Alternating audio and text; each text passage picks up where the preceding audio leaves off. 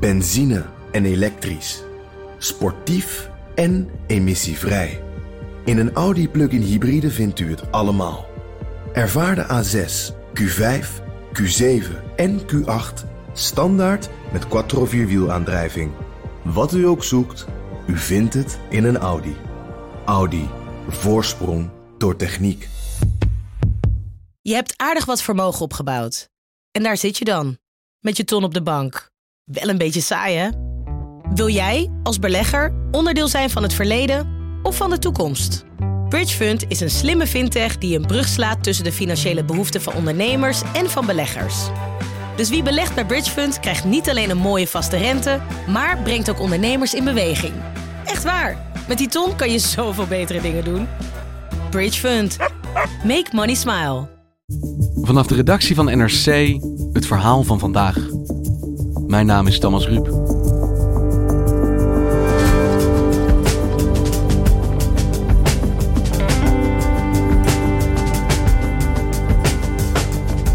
Begin jaren 90 werd Marcel Hane als jonge journalist geselecteerd om door de VS te reizen, samen met tien veelbelovende Europeanen. Een van hen, Viktor Orban. Nu de door controverse omgeven premier van Hongarije, toen een dertiger brandend van ambitie. Wat deed Orban daar? En was toen al zichtbaar wie hij later zou worden?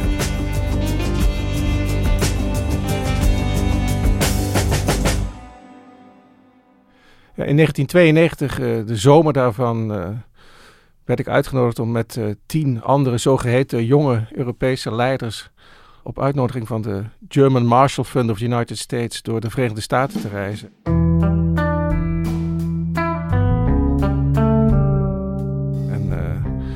Bedoeling was van die onderneming om de transatlantische verhoudingen te versterken tussen de oude en de nieuwe wereld. En we werden geschoold in de Amerikaanse politiek, Amerikaanse samenleving, Amerikaanse rechtsstaat. En uh, zo trokken we met een zak vol zakgeld door de Verenigde Staten. En hoe kwamen zij dan terecht bij de jonge Marcel Hane? Waarom jij?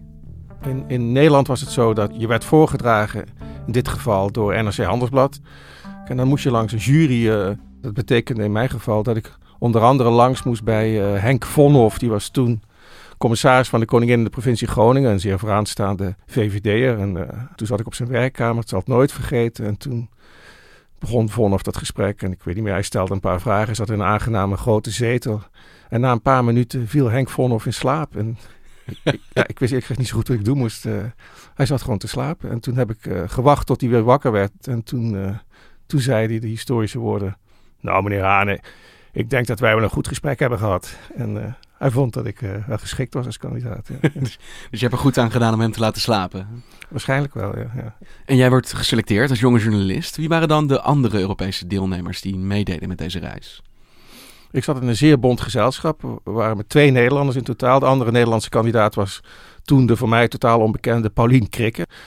Die uh, toen ondernemer was en uh, binnen de VVD actief was en ook door die partij was voorgedragen. En het later zou schoppen tot burgemeester van Den Haag en Arnhem. En dat soort figuren zaten er ook uit Frankrijk en uit Duitsland. En het interessante was toen, het was in 1992, het was een paar jaar na het vallen van de muur, dat uh, voor het eerst eigenlijk nadrukkelijk ook Oost-Europeanen deel uitmaakten van, van dat gezelschap. En daar was een enorme kloof tussen, uh, tussen West- en Oost-Europa. Dat verschil was nog lang niet verdwenen. En ja, wij hadden meer verwantschap als West-Europeanen met de Amerikanen dan met de Oost-Europeanen in zekere zin. Er zaten, twee Polen in, allebei journalist, en, twee Hongaren, allebei lid van het parlement en allebei vooraanstaand vertegenwoordiger van de partij Fidesz, een voormalige, ja, van oorsprong studentenpartij die in 1988 was opgericht omdat ze zich nogal drukkelijk verzetten tegen het communistische bewind in die tijd. De ene was, heette Jot Nemet. hij is nu voorzitter van de buitenlandcommissie in het Hongaarse parlement. Dat was een hele vrolijke, hartelijke Hongaarse jongen met wie ik bijvoorbeeld op bezoek ging in een Hard Rock Café s'avonds. Vond hij hartstikke leuk om naar, nou, weet ik veel, ACDC te luisteren. en de andere, meer zwijgzame Hongaarse uh, kandidaat was uh, Viktor Orbán. En dit is de Viktor Orbán. ja, dit is de, de man die nu al tien jaar lang onafgebroken aan de macht is in uh, Hongarije. En uh, de, de wind er goed onder heeft, om het zo maar eens te zeggen. Hongarije, lid van de Europese Unie, voerde de afgelopen tijd een aantal omstreden grondwetwijzigingen door die de regering van premier Viktor Orbán meer macht geven. Human rights watchdogs are expressing alarm over new legislation in Hungary that hands sweeping powers to the Prime Minister Viktor Orban. Trade unions in Hungary have been threatening to press ahead with nationwide strikes if the right wing government of Viktor Orban does not revoke controversial new labor laws. There's also growing anger at corruption and Prime Minister Viktor Orban's restrictions on media and academic freedom. The European Union is threatening legal action against the Hungarian government's crackdown on higher education and asylum seekers. Azt a Magyarországot fogják elítélni, amely ezer éve tagja Viktor Orban has uh, done a tremendous job in so many different ways. Probably, like me, a little bit controversial, but that's okay. That's okay. You've done a good job. Hij werd in 2015 al aangekondigd door Juncker toen hij zich voor een fotomoment uh, moest uh, vertonen door, uh, ha, daar komt onze dictator. De dictator is coming. Dictator. En Orban zat er alleen maar om te lachen, hij sprak het niet tegen. Ik, ik, zie één of twee keer in de week zie ik Orban op televisie verschijnen of in de krant opduiken en denk, oh ja, daar zit hij weer, Victor. Je kent hem. En je, ik had altijd gedacht van, ik ga nog een keer die reis reconstrueren. Ja, nu was het uh, precies tien jaar geleden dat hij aan de macht was. Dus ik dacht, uh, nu of nooit. Dus uh, dit leek me een goed moment. Hoe ben je dat gaan doen? Nou, het eerste wat ik heb gedaan is, ik heb destijds, ik was de enige met een videocamera en ik heb toen acht uur lang opnames gemaakt van, van die reis. Het waren vreselijke opnames om te zien. Maar, het hielp wel heel erg om die beelden terug te zien, om je geheugen op te frissen. En daarnaast uh, heb ik samen met mijn, uh, ook toen een van de groepsleden, Franse collega Pascal Richer, een hele goede journalist en uh, nu plaatsvervangend hoofdredacteur van het Franse weekblad Lops, geprobeerd contact te leggen met alle andere leden die destijds in die groep zaten. En geprobeerd hun herinneringen aan die reis op te tekenen en foto's te verzamelen. En het allerbelangrijkste gesprek voor dit verhaal hebben we gevoerd met uh, ja, de partijgenoot van uh, Orban, Jot Nemet, uh, andere Hongaarse parlementariër en voormalig staatssecretaris van Buitenlandse Zaken van Hongarije. Dat is een zeer toegankelijke man, echt een aardige, vriendelijke man. En een paar weken geleden hebben we op een dinsdagochtend via Zoom flinke tijd met hem gesproken. And Marcel, you are also welcome uh, to Hungary in the post-virus period. Hungary, Budapest is really beautiful. En als we dan met jou even teruggaan naar 1992, we weten waarom jij werd geselecteerd, maar wat deed Viktor Orban daar? Viktor Orban had toen al een redelijk internationale reputatie als een belangrijk politicus. Hij is in 1989 heeft hij een reden gehouden in Budapest bij de herbegrafenis van de in 1956 vermoorde Hongaarse premier Noc. Die, die kreeg toen een herbegrafenis en Orbán heeft daar een hele goede, vlammende speech gehouden. Van nem tévesztjük szem előtt 56 eszméit, waarin hij de Russen opriep om Hongarije te verlaten.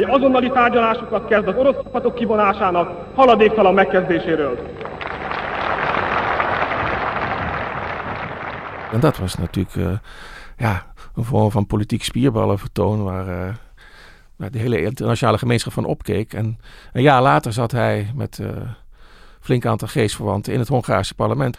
Ja, dat waren kleine helden, jonge studenten die het gemaakt hadden en gedurfd hadden om een stem te verheffen tegen een, ja, het, communistische regime, tegen Rusland. En ja, die werd ons ook gepresenteerd als van kijk eens, dit zijn de, dit zijn de kampioenen van de toekomst. En wat voor een type was hij? Wat was zijn temperament? Hoe kwam hij op jou over tijdens die reis? Ja, het was echt een persoonlijkheid, een, een charismatische persoonlijkheid. Hij was heel zelfverzekerd, echt heel zelfverzekerd. En uh, we moesten ons voorstellen aan elkaar van wie ben je, uit welk land kom je en uh, wat wil je, wat verwacht je van deze reis. Zo'n zo praatje moest je houden. En Viktor Orban kwam aan het woord en het eerste wat hij zei was, die, ik ben Viktor Orban. Ik ben de leider van Fidesz uit Hongarije. En ik word de volgende premier van Hongarije. En uh, ja, dat is wel een binnenkomen. Dat vergeet je niet snel, dat iemand dat durft te zeggen van zichzelf. Ja. Ik kan me herinneren dat we een keer een partijtje gevoetbald hebben met een aantal, uh, aantal mannen. En uh, hij kon heel goed voetballen. Maar het was dan ook zo'n jongen die de bal niet afgaf. En bleef pingelen terwijl je dacht, ja maar ik sta vrij. Maar dat deed er niet toe, ja. Je kreeg de bal niet van Viktor Orban. Nee, dat is me nooit gelukt. Ik heb bijvoorbeeld met uh, Orban een vrije zaterdag doorgebracht op een rivier in South Carolina, waarbij we in een kano afzakten. En dan, ja, dan zit je met z'n tweeën te peddelen. En dat is toch een uitgelezen moment om, om af en toe eens wat te kletsen. Maar voor small talk, daar had hij eigenlijk geen tijd voor. En ik, ik kan me ook nog herinneren, en dat komt ook omdat ik er een foto van heb gekregen en lang heb bewaard, is dat onze boot op een gegeven moment lek werd en vol met water liep. En er moest dus gehost worden om, om het ding drijvende te houden. En dat liet hij dan ook heel vakkundig uh, geheel aan mij over. Je zag, je zag, hij is de leider en ik was de eikel die die, die boot moest hozen. Ja, dat was wel heel tekenend voor hem, vond ik. Ja. Ik deed dingen die hij gek vond en hij deed dingen die ik gek vond. Zoals wat dan? Kijk, je mocht dus een deel van het programma zelf invullen. Dus je mocht opgeven aan die Amerikanen van nou ik wil graag dit doen en dat doen. En ik heb bijvoorbeeld uh, op, het, op het moment dat we in de Amerikaanse hoofdstad zaten, Washington DC gaf iedereen op welke politici hij of zij wilde zien op Capitol Hill. Dus met welke senator wil jij nou graag spreken? Met uh, welk congreslid wil je graag uh, lunchen? En die dag heb ik overgeslagen. Althans, ik heb gevraagd of ik die dag naar de, naar de dierentuin van Washington mocht gaan. De dierentuin? Ja, ik wilde heel graag uh, kennis maken met twee pandaberen die daar sinds 1972 woonden. Sing Sing en Ling Ling. Dat waren twee pandaberen die president Nixon uh, in 1972 cadeau had gekregen van de Chinese Volksrepubliek. En uh, dat vonden ze wel een beetje een raar verzoek. Maar ik heb uiteindelijk toestemming gekregen om die dieren te bezoeken. En ik heb een hele dag worteltjes en bamboe zitten voeren aan twee pandaberen in de, in de dierentuin van Washington. En toen ik dat s'avonds vertelde bij de borrel aan Orban, geloof ik niet dat hij dat echt snapte dat dat, dat, dat de bedoeling was. Ja. Want hij heeft zijn vrije ruimte niet met een dierentuin ingekleed, gok ik zo. Nee, nee, hij, hij was voortdurend bezig uh, als voornaam politicus geestverwanten te spreken. En, uh, hij zat s'avonds bijvoorbeeld het liefst te dineren met uh, voorname Hongaren die uh, in het verleden al naar uh, Amerika gevlucht waren en die in de toekomst wellicht een interessante steun konden zijn voor zijn partij. Je wist dus dat, dat Orbán s'avonds een eigen programma had. want als wij met een paar uh, van die uh, reisgenoten s'avonds in het café zaten of bij een honkbalwedstrijd, dan, dan ontbrak hij meestal. Dan kreeg je te horen van ja, nee, Victor heeft vanavond een ontmoeting met ondernemers, en zo. En dat zei mij meestal niet zoveel. En nu, tijdens deze reconstructie, vertelde Jot Nemet, uh, de andere Hongaarse reisgenoot, dat de meest interessante ontmoeting die de twee Hongaren gehad hebben, was op het hoofdkantoor van George Soros. With Victor, we visited George when we had a stop, stopover in New York. De buitengewoon uh, rijke, van oorsprong Hongaarse ondernemer die uh, in Amerika nu een, uh, een, grote stichting drijft en de democratiseringsbewegingen in Oost-Europa financieel steunt. Daar zijn ze destijds op de koffie geweest lange tijd. And then we went to the 56th floor of a huge skyscraper uh, surrounding the uh, Central Park. Volgens Nemet was het zo dat Soros daar uh, zei tegen deze twee jonge knullen van jongens, als jullie geld nodig hebben, ik ben bereid om het te schuiven en uh, moeten maar eens praten over hoe we dat beste kunnen besteden. En Nemet zei dat, dat, hij, dat, hij, dat ze toen zeer verontwaardigd waren over, deze, over dit aanbod van financiële steun, omdat ze dat zagen als een poging om ja, politieke omkoperij noemde hij dat. Ja. So I uh, was really shocked by this question. And uh, uh, Victor was uh, able to answer quickly and he said, uh, Mr. Soros, we don't need anything. Afgelopen week hebben we contact gehad met de, de woordvoerder van George Soros. De man is 89, leeft nog steeds en zeer actief in, in New York. En uh, die zei dat ze niet kunnen vaststellen meer of uh, destijds inderdaad een ontmoeting is geweest tussen Soros en, uh, en en Orbán. Laat staan dat ze nog weten wat daar destijds besproken is. Maar ik heb de indruk dat die ontmoeting er wel geweest is en wat daar dan precies besproken is. En of dat, zoals de Amerikaanse woordvoerder zei van Soros, kwaadsprekerij is. Ja, dat kan ik niet beoordelen. Maar ik denk wel dat ze inderdaad daar een aangenaam gesprek hebben gehad. Ja, want Orbán heeft in de afgelopen jaren Soros nog net niet tot zijn aardsvijand verklaard, volgens mij. En Soros is natuurlijk op een bepaalde manier een soort anti-Orbán. Het verbaast me wel dat deze twee elkaar nou juist ontmoet hebben. Nee, zo verbazingwekkend is het niet, omdat ze in 1989 allebei, dus Nemeth en Orbán, met een studiebeurs van Soros gestudeerd hebben in Londen, in, in Oxford gestudeerd hebben. Ze kregen een studiebeurs om in politieke filosofie te studeren in Engeland. En dat werd betaald door Soros. Dus Orbán heeft gestudeerd met een beurs van Soros? Ja, ja, en dat staat vast. Dat heeft hij ook niet ontkend. Het zijn allemaal feitjes die hij uit zijn eigen cv heeft geschrapt. Maar uh, het staat vast dat ze allebei uh, met geld van Soros gestudeerd hebben in Engeland. En, uh, dus dat, dat ze dan twee, drie jaar later, als ze in, in New York zijn, bij Soros op de koffie gaan, is nog niet zo gek. Toen was die verwijdering nog niet. Want zag je al iets van de Orbán van nu, zoals wij hem nu kennen, tijdens deze reis in zijn jonge jaren? Ja, je zag het aan zijn gedrag. Je zag dat het een heel autoritaire jongen was. Maar politieke standpunten, die verkondigde hij eigenlijk nauwelijks. Het was een, een machtshongerige politicus. En uh, hij, was, hij was vooral geïnteresseerd in wat, wat levert met dit op, dit gesprek, met deze ontmoeting. Hey, en we weten natuurlijk hoe het jou na deze reis is vergaan. Je werkt al bij NRC, nou daar ben je altijd blijven werken, ook nu nog.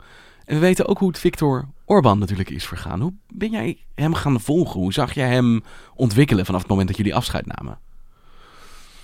Zes jaar nadat we die reis hebben gemaakt, werd hij voor het eerst gekozen tot premier. Won de verkiezing, werd, werd premier van Hongarije van 1998 tot 2002. Én Orbán Viktor esküszöm, hogy hazámhoz, hogy hazámhoz, a Magyar Köztársasághoz, a Magyar Köztársasághoz. Daarna verloor hij de verkiezingen en werd hij, verdween hij een beetje uit beeld. En ik zelf ook eerlijk gezegd, omdat ik toen in Latijns-Amerika ben gewonnen voor, uh, voor NSC.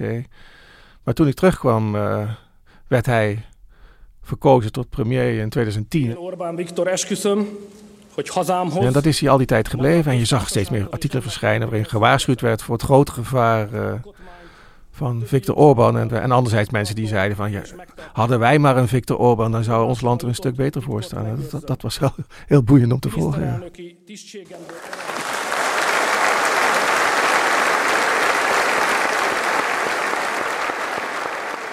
En die Viktor Orban die daar verkozen werd, is dat een man die een gigantische politieke ontwikkeling heeft doorgemaakt vanaf jullie reis? Of is hij dezelfde persoon gebleven, denk je?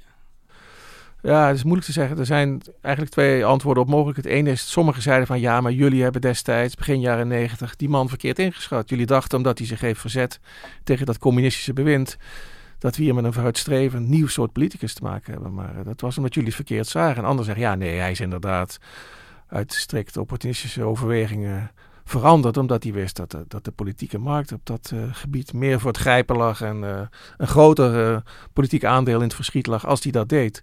I, and I think it's crucial that when we came to the center of gravity of power, we have arrived to it only in 98, don't forget. Nee, maar het heeft dat ook eigenlijk wel toegegeven. Ja. Dat, het, was, het, was, het was opportun om, uh, om de standpunt een beetje te veranderen. Want daar lag een gat in de markt. And Fidesz had to take over the role of uh, uh, governing the country. Ja, ik denk dus dat dat verklaart waarom er ook een, een gegeven moment een verwijdering is opgetreden met Soros, die wel een, ja, een linkse politieke agenda heeft. Dus is hij nou zo heel veel veranderd of hebben wij destijds verkeerd gezien? Ik denk dat de waarheid een beetje in het midden ligt.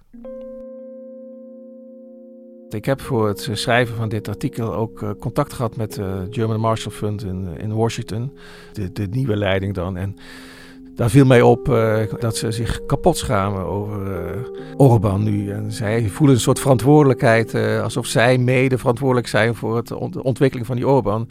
Ze vinden het verschrikkelijk dat die, uitgerekend hij deze man die door deze, toch, deze stichting die zich inzet voor de mensenrechten, de rechtsstaat, uh, Europese integratie, uitgerekend deze kandidaat blijkt te hebben gesteund, die zich juist nadrukkelijk tegen al deze onderwerpen keert. Ja. Want de organisator van die reis neemt dan dus nou ja, vrij publiekelijk afstand van Viktor Orban, zeggen we hadden dit niet moeten doen. Maar hoe kijkt hij dan naar die reis? Ja, het grote probleem was dat mijn pogingen om Viktor Orban nog een keer te laten tutten over onze avontuur in uh, 1992 niet lukte, omdat hij niet meer herinnerd wil worden aan die reis. Hij wil helemaal niet uh, vertellen over hoe hij destijds door een vooruitstrevende Amerikaanse stichting zes weken lang is onderwezen in, in mensenrechten en de rechtsstaat en Europese integratie. Dus hij heeft het ook volledig geschrapt uit zijn eh, cv. Hij heeft er nooit meer over gesproken. Je kunt er niks over vinden. Geen enkele verwijzing naar, naar uh, die periode. En jij als zijn oude reisgenoot, degene die nou ja, zijn kano heeft gehost, je hebt hem ook niet meer te pakken kunnen krijgen. Nee, het is me daarna nooit meer gelukt om uh, met hem in gesprek te komen. En ik moet zeggen, Jot Nemet uh, appte mij vorige week nog dat hij Victor had gesproken en had verteld over uh, wat we aan het doen waren. En dat hij, uh, dat hij open staat voor een gesprek en dat het er wel degelijk gaat komen. Dat ik dat binnenkort ga horen. En uh, ja, wie weet, ik zal nog steeds heel erg leuk vinden om in dit najaar een keer een, een bordje goulasoep met Victor Orban te eten. En herinneringen op te halen aan ons gekke avontuur van 28 jaar geleden. En als dat gebeurt, dan geef je me even een seintje? Dan ga ik weer filmen. Dankjewel Marcel. Graag gedaan. Je luisterde naar vandaag, een podcast van NRC. Eén verhaal, elke dag.